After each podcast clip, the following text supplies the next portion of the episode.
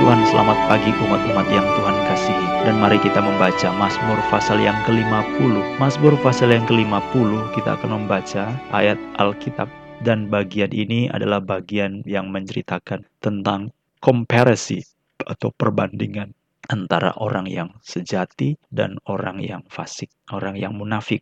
Mazmur pasal yang ke-50 ayat yang pertama sampai ayat yang ke-23. Mazmur Asaf yang Maha Kuasa Tuhan Allah berfirman memanggil bumi. Dari terbitnya matahari sampai kepada terbenamnya, dari Sion puncak keindahan Allah tampil bersinar. Allah kita datang dan tidak akan berdiam diri. Di hadapannya api menjilat, sekelilingnya bertiup badai yang dahsyat. Ia berseru kepada langit di atas dan kepada bumi untuk mengadili umatnya. Bawalah kemari orang-orang yang kukasihi, yang mengikat perjanjian dengan aku berdasarkan korban sembelihan. Langit memberitakan keadilannya, sebab Allah sendirilah hakim. Selah. Dengarlah hai umatku, aku hendak berfirman. Hai Israel, aku hendak bersaksi terhadap kamu. Akulah Allah, Allahmu, bukan karena korban sembelihanmu aku menghukum engkau. Bukan korban bakaranmu tetap ada di hadapanku. Tidak usah aku mengambil lembu dari rumahku atau kambing jantan dari kandangmu. Sebab punya kulas segala binatang hutan dan beribu-ribu hewan di gunung. Aku kenal segala burung di udara dan apa yang bergerak di padang adalah dalam kuasaku. Jika aku lapar, tidak usah kukatakan kepadamu, sebab punya kulah dunia dan segala isinya. Daging lembu jantankah aku makan, atau darah kambing jantankah aku minum? Persembahkanlah syukur sebagai korban kepada Allah, dan bayarlah nazarmu kepada Yang Maha Tinggi. Berserulah kepadaku pada waktu kesesakan. Aku akan meluputkan engkau, dan engkau akan memuliakan aku. Selah. Tetapi kepada orang fasik Allah berfirman, Apakah urusanmu menyelidiki ketetapanku, dan menyebut-nyebut perjanjianku dengan mulutmu? Padahal engkaulah yang membenci teguran dan mengesampingkan firmanku. Jika kau melihat pencuri, maka engkau berkawan dengan dia dan bergaul dengan orang berzina. Mulutmu kau biarkan mengucapkan yang jahat, dan pada lidahmu melekat tipu daya. Engkau duduk dan mengata-ngatai saudaramu, memfitnah anak ibumu. Itulah yang engkau lakukan. Tetapi aku berdiam diri. Engkau menyangka bahwa aku ini sederajat dengan engkau. Aku akan menghukum engkau dan membawa perkara ini ke hadapanmu. Perhatikanlah ini, hai kaum yang melupakan Allah, supaya jangan aku menerkam dan tidak ada yang melepaskan. Siapa yang mempersembahkan syukur sebagai korban, ia memuliakan aku. Siapa yang jujur jalannya, keselamatan yang daripada Allah akan kuperlihatkan kepadanya. Siapa yang mempersembahkan syukur sebagai korban, ia memuliakan aku. Siapa yang jujur jalannya, keselamatan yang dari Allah akan kuperlihatkan kepadanya. Sampai di sini pembacaan kitab suci. Umat-umat yang Tuhan kasihi, Mazmur pasal 50 menurut saya adalah Mazmur yang juga bisa dipakai menjadi Mazmur yang dapat menyalahartikan pekerjaan dan pengenalan akan Allah. Mengapa demikian? Karena Mazmur pasal 50 sering kali mem membuat shortcut atau menyingkat atau mempersingkat suatu atau menurunkan makna daripada pengenalan kita kepada Allah. Jadi kalau kita baca dalam Mazmur pasal 50, jelas sekali di sana perintah atau kata-kata daripada Mazmur ini, apa yang diminta oleh Tuhan dari umatnya. Kalau kita baca mulai ayat yang pertama, di sana Tuhan menyatakan kemuliaannya, menyatakan kebesarannya, Ayat yang keempat, ia berseru kepada langit untuk mengadili umatnya bahwa kemari orang-orang yang kukasihi dan yang mengikat perjanjian dengan aku berdasarkan korban sembelihan. Lalu Allah mulai berbicara ayat 6, langit memberitakan keadilan, ayat 7 dengar umatku ayat 8 bukan karena korban sembelihanmu Aku memberikan hukuman kepadamu, bukankah korban bakaranmu tetap ada di hadapanku? Aku kenal segala burung di udara, ayat 13, daging lembu jantankah yang aku makan? Apa yang diminta Tuhan? Ayat 14 dan 15. Persembahkan syukur kepada korban kepada Allah. Yang kedua, bayarlah nazarmu kepada yang maha tinggi. Yang ketiga, berserulah kepadaku pada waktu kesesakan. Maka aku akan meluputkan engkau dan engkau akan memuliakan aku. Jadi dua ayat ini yang Tuhan minta dari Mazmur 50.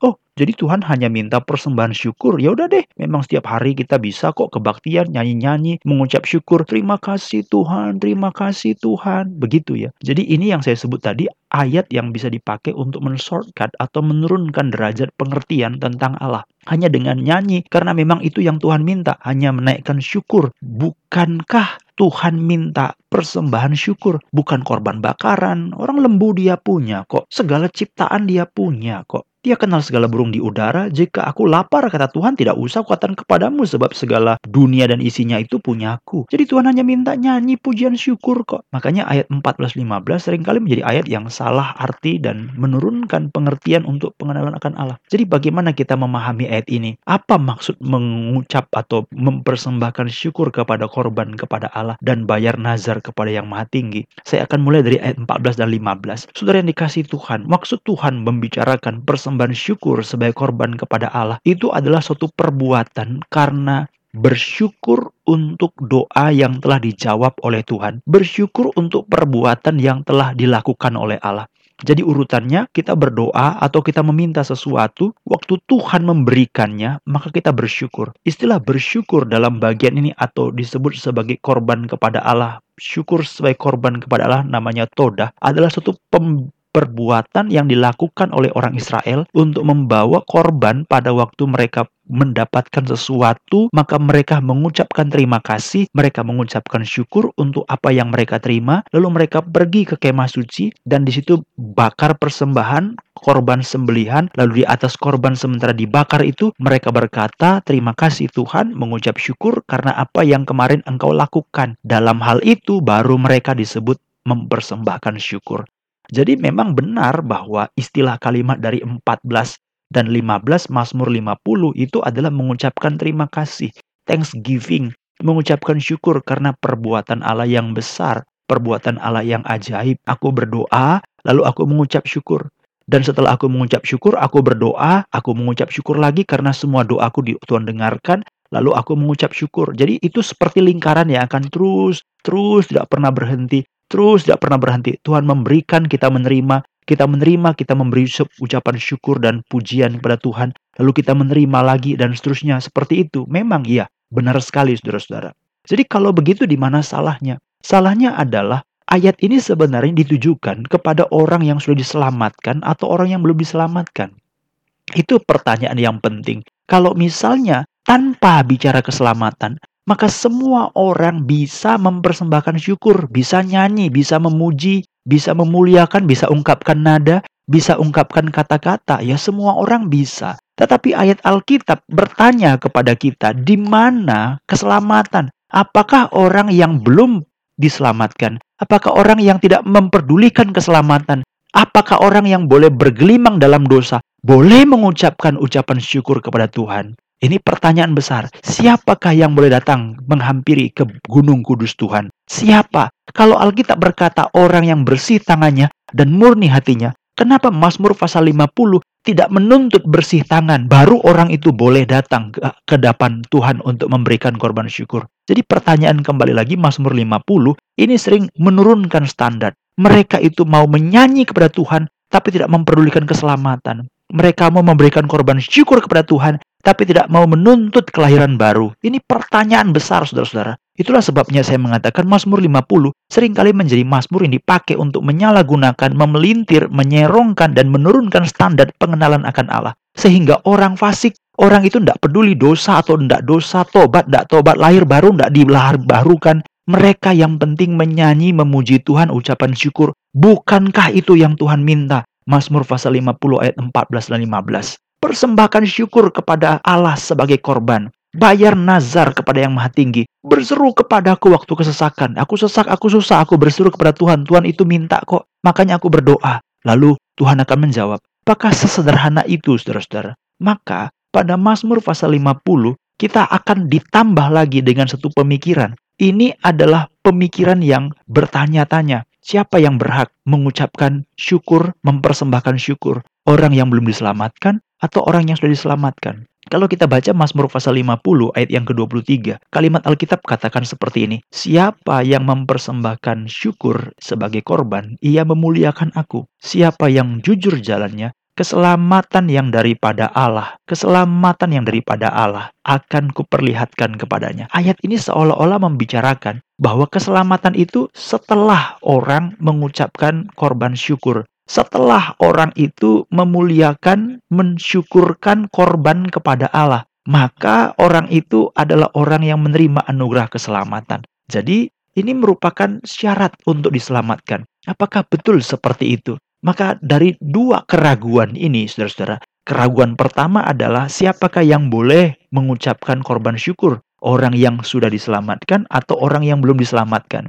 Yang kedua, dalam Mazmur 50 ayat 23, pertanyaan dan keraguan yang kedua, apakah orang itu memberikan korban syukur, memuliakan Tuhan, hidup jujur, baru mendapat keselamatan? Atau sebelumnya, keselamatan dulu. Ini bagaimana?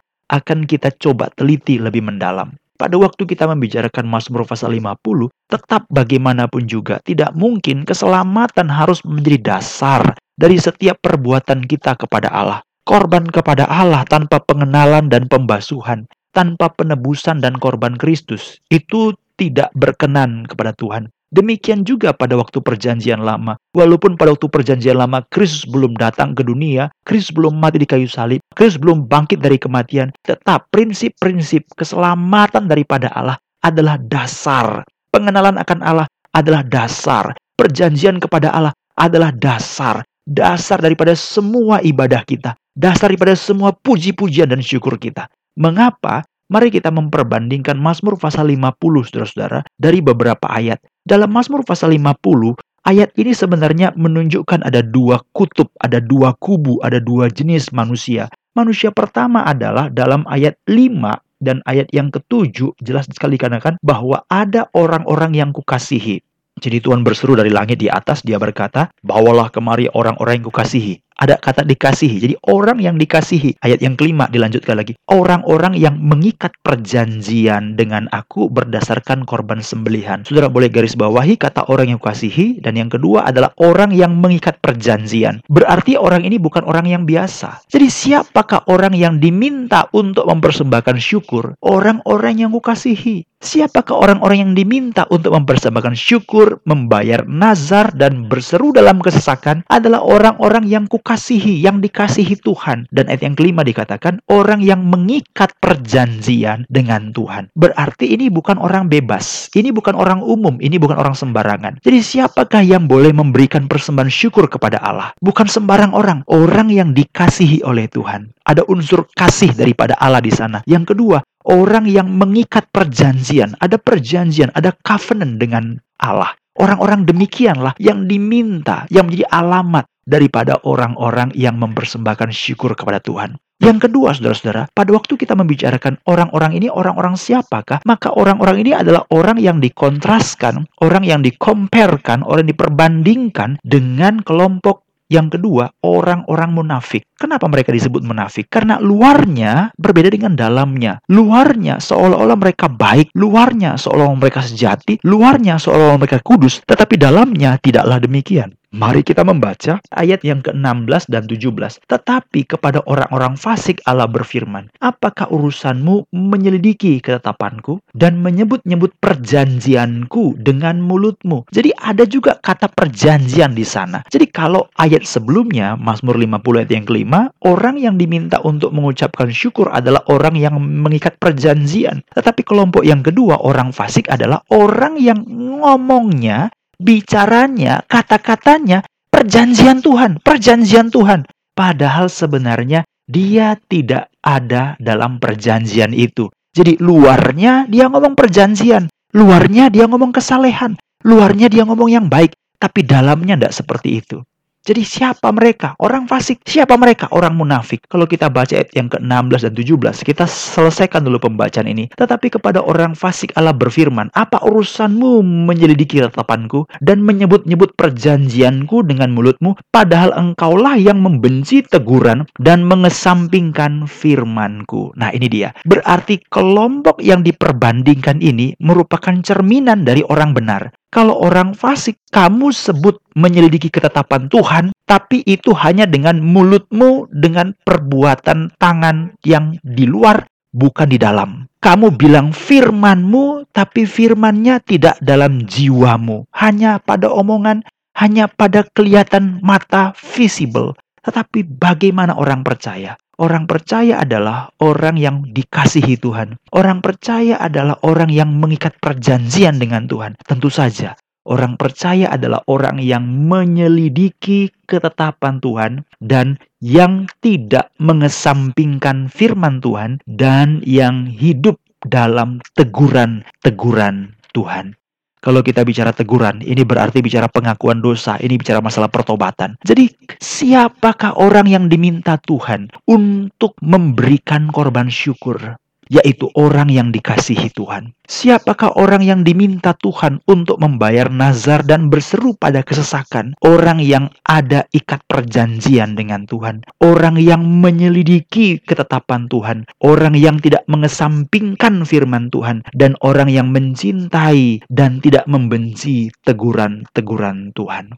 Itu dia orangnya. Bahkan kalau kita baca dalam ayat 18, ini adalah cerminan daripada orang benar yang dilakukan orang benar, tetapi dibuang oleh orang fasik. Apakah itu? Ayat yang ke-18. Jika engkau melihat pencuri, maka engkau berkawan dengan dia. Sebaliknya, orang benar tidak berkawan dengan mereka. Jika engkau melihat orang berzina, maka engkau bergaul dengan dia. Itu orang fasik. Orang benar sebaliknya, tidak bergaul dengan orang berzina. Ayat 19.